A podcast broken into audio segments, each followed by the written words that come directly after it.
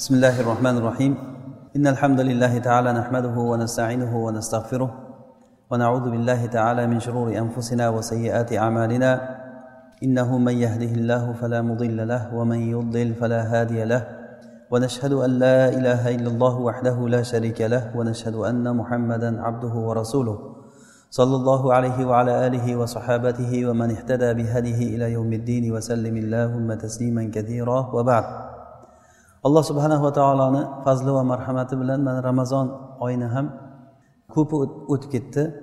Bu ramazon oyi mag'firat oyi ramazon oyi taqvoni hosil qilishlik oyi deb ko'p suhbatlar qildik allohni fazli bilan.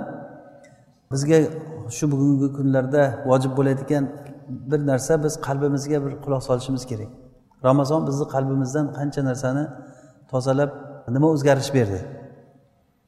Har bir odam o'zini tabibi. Ya'ni o'zi e'tibor berib o'zi qalbiga qarasa ilgariki qilib yurgan yomon odatlaridan nimalarni tark qila oldi odam? Qalb isloh bo'lmasa o'zi inson isloh bo'lmaydi. Alloh subhanava taolo qur'onni qalbga tushirdi. Nazala bihir ruhul amin ala qalbika litakuna minal munzirin. Ya'ni jibril alayhissalom bu qur'onni rasulullohni qalblariga olib tushdi. Qur'on agar qalbga kirsa keyin o'zini samarasini beradi. Xuddiki urug' yerga tushsa keyin ko'karganiga o'xshab. U yer ko'karishligi uchun unumdor yer bo'lishi kerak. Albatta urug' ko'karishligi uchun o'sha yerda bir ofatlari bir kasalliklari bo'lmasligi kerak. Inson qalbi ham xuddi shunday. Inson qalbi yana bir boshqacha o'xshatsak insonni kiyimiga ham o'xshaydi. Inson kiyimi toza bo'lishligi uchun qancha e'tibor berishlik kerak? Bir kun agar kiyimga e'tibor bermasa ya'ni ust ustiga kiyim kiyaversa har kuni o'sha kiyimni kiyib yuraversa albatta u kiyim eskiradi kir bo'ladi juda yomon holatga kelib qoladi. Uni doim doim yuvib uttiglab yuvib uttiglab qarab turmasangiz bo'lmaydi. Qalb undanda ko'ra ko'proq o'zgaruvchiroq kiyim agar bir iflos bir narsani oldiga qo'yib qo'ysa o'ziga o'sha ifloslikni qabul qilib olganday qalb ham muhitdan shunday o'ziga kerakli narsani singdirib oladi. Suhbatlar bilan yaxshi emas kishilarni suhbatlari qalbga juda qattiq ta'sir qiladi. Muhit tashqariga chiqqanda inson ko'zi ko'rayotgan e, noshariy narsalar inson xohlay xohlama insonni qalbiga bu narsalar qattiq ta'sir qiladi. Shuning uchun biz doim qalbimiz bilan kurashishlikda qalbimiz bilan ya'ni qalbni tekshirib yurishlikda bo'lishimiz kerak. O'ziga rahmi kelgan odam najot topishlikdan umidi bor bo'lgan odam shunday qiladi. Biz agar o'ladigan bo'lsak ya'ni o'lishimiz aniq. Bugunmi ertami hammamiz o'lamiz. O'ladigan bo'lsa har bir odam o'ziga savol berishi kerakki men qayerga ketaman? Ikkita joyda bittasiga borasiz o'lgan bo'lsa. Yo do'zaxga yo jannatga. Alloh subhanava taolo o'zi jannatini naimni bersin jannatidan nasib qilgan bo'lsin. Mana shu boshqa joyi yo'q odamga. Yo jannatga ketadi yo do'zaxga ketadi. Inson o'ziga o'zi savol berishlik kerakki agar men hozir dunyodan o'tayotgan bo'lsam qayerga ketaman? Jannatga ketamanmi yo do'zaxga ketamanmi? Ikkalasini ham yo'li bor. Buning uchun biz juda muhim bo'lgan juda bir nozik narsa bu. Ya'ni inson ovqat yeyishlikda ovqatga qancha e'tibor beramiz? Nimaga ovqatga qattiq e'tibor beriladi? Odam vaqti vaqtida bilan yeb qarab turishga xosatan kasal bo'lgan odamlar juda ham taomiga e'tibor beradi. Nima uchun? Shu taomdan badan zaharlanadi. Nega qalbga e'tibor bermaymiz? Bu qalbniki juda ham qattiq masala. Insonni butun a'zoyi badani shu qalbga ergashadi. Inna fil jasadi mudg'atan ida solahat solahal jasadu kullu. Va ida fasadat fasadal jasadu kullu ala vahiyal qalb. Jasadda bir parcha e'tibor agar u isloh bo'lsa butun jasadda hamma joyi isloh bo'ladi. Agar u buzilsa hamma joyi buziladi. U qalb dedilar rasululloh sollallohu alayhi vasallam. Demak qalbimiz isloh bo'lmasdan turib bizga hech narsa foyda qilmaydi. Hatto e'tikoflar hatto ramazon oyi. E'tikof yaxshilikka xizmat qilish emas yomonlikka xizmat qilib qolishi mumkin billah. Inson oldin e'tikofga kirishdan oldin yaxshiroq bo'lib turib e'tikofdan yomonroq bo'lib chiqib ketishi ham mumkin. O'ylamangki e'tikofda o'tirdim degani bo'ldi yaxshi bo'ldim degani emas bu. Xuddi hajga borib kelganga o'xshab. Hajga borgandan ko'ra bormagani yaxshi bo'ladi ba'zi odamlar. Chunki hajdan oldin kibr bo'lmaydi odamda.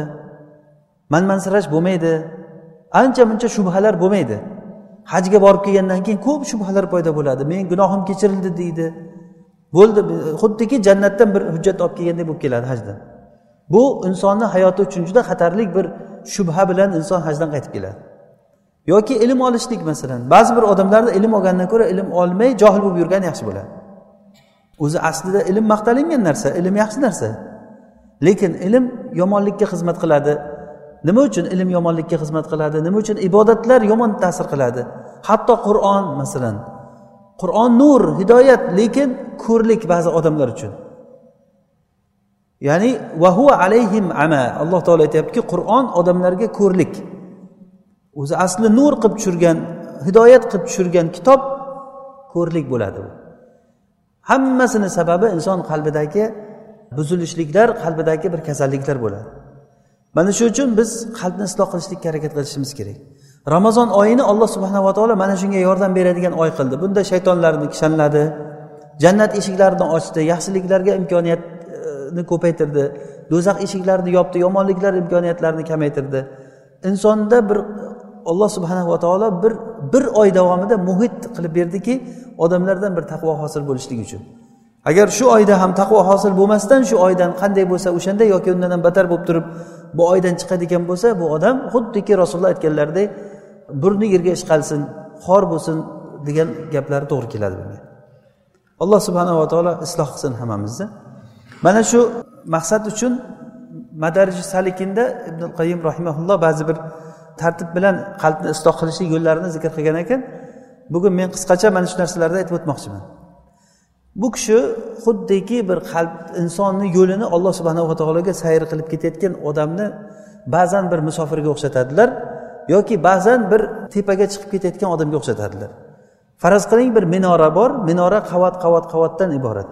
Manzilat ular har bitta nimasi bir qati xuddiki haligi qat etajli uylardek shunaqangi balandga qarab chiqib ketaveramiz biz. Bu qatlar shunchalikki birinchi qatiga chiqmasdan turib ikkinchi qatiga chiqib bo'lmaydi. Biz hozir shundan yettita martabani men aytaman. O'shalarni birinchisiga chiqmasdan turib ikkinchisini umuman odam bilmaydi ikkiga chiqmay turib ikkiga chiqmay turib birni bilmaydi.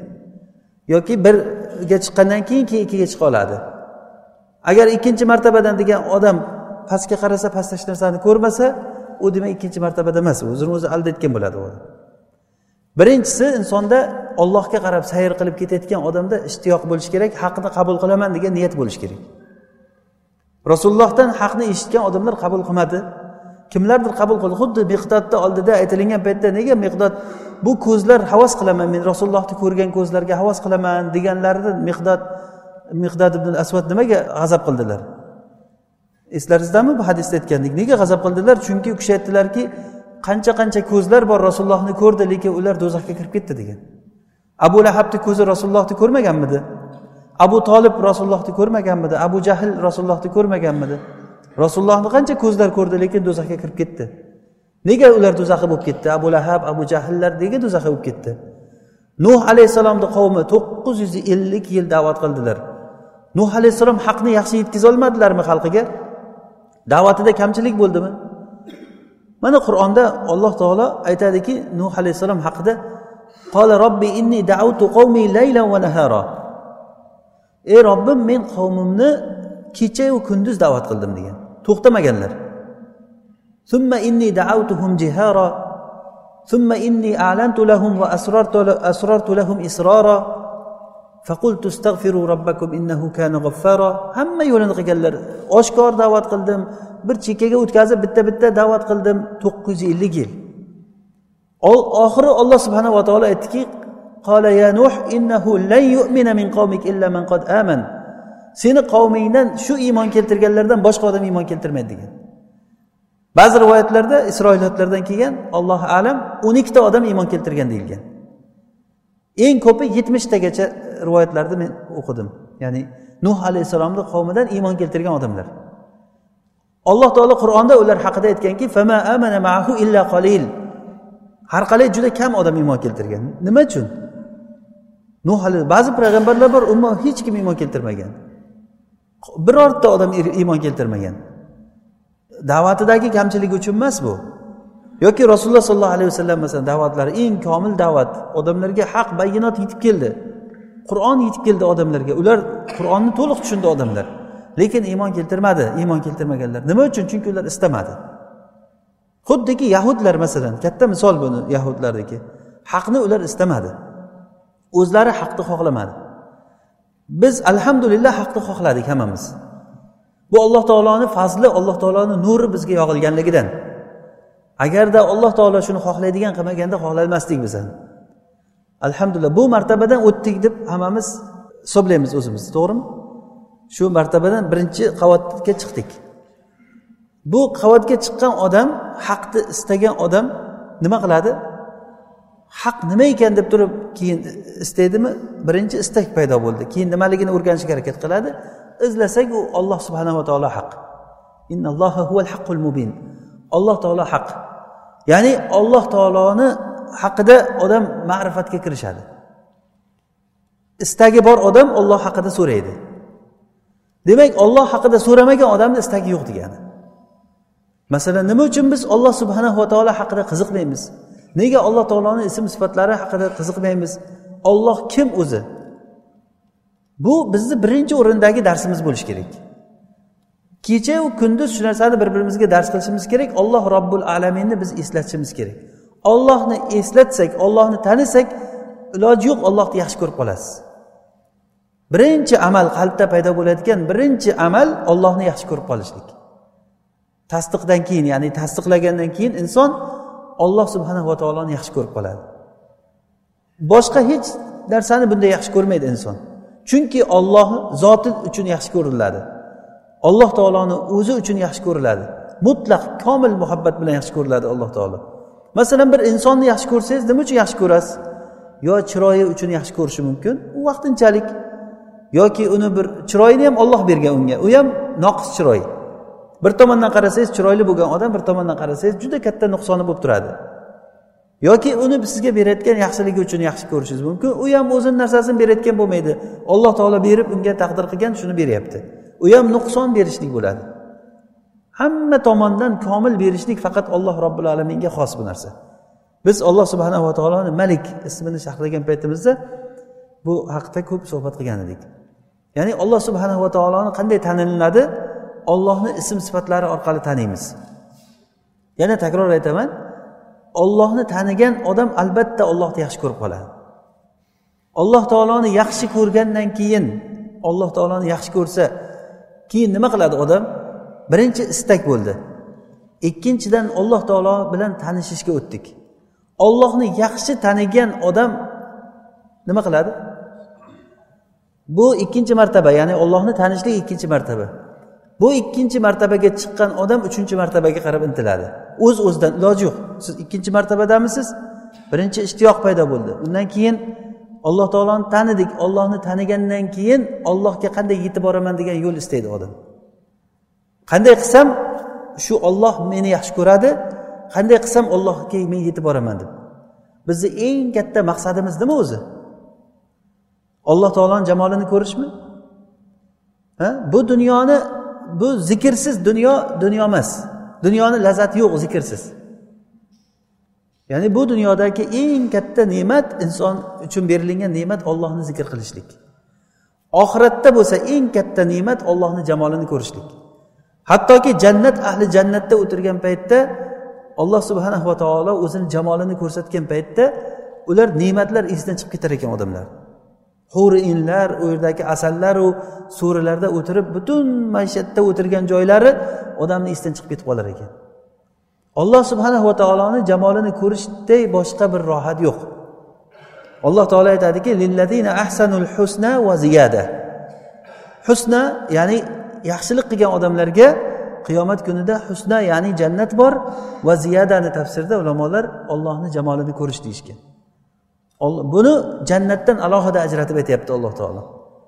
Va ziyoda deb aytyapti buni. Jannatdan ko'ra oshiqcha narsa bu degani. Jannatdan ham oshiqcha ne'mat bu alloh taoloni jamolini ko'rishlik bo'ladi. Bizni yagona bir maqsadimiz shu. Bu maqsad qayerdan paydo bo'ldi bizga? Bu ollohni ko'rishlikka bo'lgan istak qayerdan paydo bo'ldi? Alloh taoloni taniganligimizdan paydo bo'ldi. Ollohni tanigandan keyin ollohga qarab intilish bo'ladi. Ollohga intilishda uchinchi martabaga chiqqan bo'lamiz. Bu ollohga qarab yo'l istaymiz. Ollohga bo'ladigan yo'lni qarasak bittayu bitta yo'l yetkazadi bu siroti mustaqim rasululloh sollallohu alayhi vasallamni hidoyatlari. Undan keyin rasulullohga ergashishlikka o'tamiz. Rasulullohga ergasholmaydi ollohni umid qilmagan odam. Nima uchun rasulullohga ergashamiz biz? Ollohga yetkazadi deb. Ollohni rozichiligini bizga aytadi deb. Olloh taologa olib boradigan hidoyat bu ibodat ya'ni ibodat deganda ibn taymiya rahimaulloh ibodatni ta'rifida aytganlarki olloh yaxshi ko'radigan va olloh rozi bo'ladigan har qanday so'zlar va ishlar. Olloh rozi bo'ladigan olloh yaxshi ko'radigan so'zlar va ishlar bu ibodat bo'ladi. Ibodat faqat namoz o'qish degani emas bu. To'g'ri so'z so'zlashlik ibodat bu. Harom yemaslik ibodat bu. Ibodat tushunchasini to'g'ri tushunmaganligimiz uchun ko'p nuqsonlarga biz qadam qo'yamiz. Faqat namoz o'qiyapmizku bo'ldi deb tushuniladi. Ro'za tutyapmiz namoz o'qiyapmiz bo'ldi. Bu namoz va ro'zalar bizni katta bir ibodatga tayyorlaydigan narsalar ibodatlar bular. To'g'ri ibodatni rukunlari lekin shu rukunlarni ustiga xuddiki uyni rukunlariga o'xshagan. Uyni rukunlari bo'lsayu devorlari bo'lmasa eshik romlari derazalari bo'lmasa nima kerak u uyni? Kelgan shamolni qaytarmaydi. Ichkarida satr bo'lmaydi tashqaridan odamlarga ko'rinib o'tirsangiz bir chaylada o'tirgandek o'tirsangiz masalan. Demak uy qanchalik komil bo'lgan sari shunchalik o'zini maqsadini bajaradi. Islom dini ham xuddi shunday. Islom dinini rukunlari xuddi uyni ustunlaridek rukunlaridek lekin uni boshqa bir amallari boshqa ibodatlar biz ibodatdan hech qachon ajralib turolmaymiz. Kiyim kiyishlik ibodat emasmi?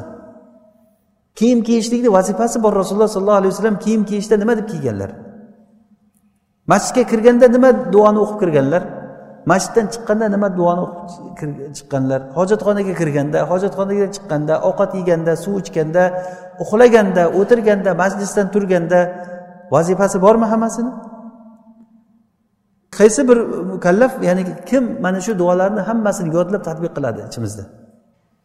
Demak mana shu martabaga hali biz u hidoyatga yetib borolmadikmi mana shu manzilatdan to'xtab qolgan bo'ladi undan nariyog'iga hali o'tolmaymiz. Chunki buni qilmagan odam tepasiga o'tolmaydi. Yana bir takror aytaman. Boshdan. Ishtiyoqi bor bo'lgan odam o'z uz o'zidan alloh taolo haqida so'rashni boshlaydi. Ollohni taniydi. Ollohni tanigan odam albatta nima qiladi? Ollohni tanigan odam ollohga qarab yo'l istaydi.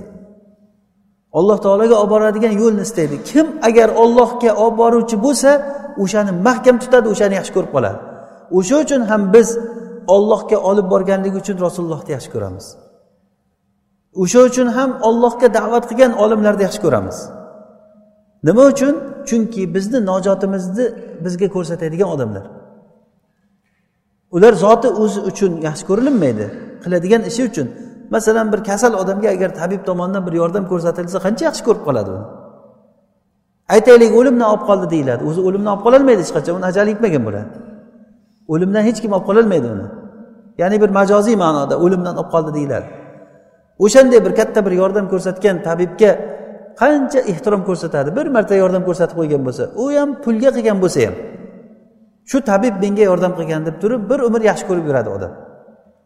Lekin uni oxiratda do'zaxga tushib qolishligidan asrab qolgan kishi bu payg'ambarimiz sollallohu alayhi vasallam bu ko'p hadislarda aytadilar. Men sizlarni do'zaxdan qaytaraman sizlar bo'lsa o'zlaringni do'zaxga urasizlar demak bu uchinchi e, martaba alloh taologa bo'lgan yo'lni istashlik bu men qisqacha aytyapman o'zi aslida bu martabalarni har birini dars qilishimiz kerak biz. Masalan alloh taoloni xohlashlik birinchi haqda istash bunda bir qancha dars qilsak bo'ladi. Keyin alloh taoloni tanishlik. Bunda asmoy sifatlar darslari. Alloh taoloni kavniy sunanlari haqida qur'oni karimda alloh taolo o'zini qilgan ishlari haqida bizga tanishtiradi. Qur'on mana shuni o'rgatadi bizga. Qur'onni asosiy o'rgatayotgan mavzusi olloh haqida gapiradi. Olloh kim? Nima qiladi? Alloh taoloni sunnatlari nima? Ollohni shar'iy sunnatlari va kavniy sunnatlari bor. Kavniy sunnatlari alloh taolo nima ish qilsangiz nima qiladi? Alloh taoloni qilayotgan ishlari bu hikmat va ilm ustiga qurilingan ishlar. Va alloh taoloni shar'iy sunnatlari bizga kelgan shariat. Shar'iy sunnatlarni biz din deb o'ylaymiz. O'zi aslida bu hammasi din bizga. Alloh subhanava taoloni kavniy sunanlari bor va shar'iy sunanlari bor. Va uchinchisi alloh taologa bo'lgan yo'l. Bu rasululloh sollallohu alayhi vasallamga ergashishlik bilan bo'ladi. Har bir qadamimizda. Hatto salaf solihinlar bir umr istab yurdim shu birovni eshigidan borib taqillatib izn so'rasam bor ketgin keyin kelgin desa deb. Alloh taoloni nur surasidagi oyatiga amal qilishlik uchun agar sizlarga qaytinglar deyilinsa qaytinglar degan. Hech shu to'g'ri kelmadi degan. Kim eshigidan qaytarsam bor keyin kel demadi hech kim degan. Shuni istab yurdim bir marta bo'lsa ham shu oyatga amal qilayin deb. Mana bu amal salaf solihlarda shu bizdan farqi shu ularni amal qilishlik uchun yashagan. Bitta oyat eshitsa o'sha oyatga albatta amal qilishga harakat qilgan. Hadis eshitsa hadisga amal qilishlikka harakat qilgan. Bizga hozir qancha ma'lumotlar o'tib ketyapti? Kuniga whatsapp orqali sizga qancha hikmatli gaplar qancha ma'lumotlar keladi? Shunday mururul kirom oldimizdan o'tib ketaveradi. Hech narsa qolmaydi. Nima uchun? Chunki biz tartib bilan kelmadik inshaalloh buni vaqti kelyapti.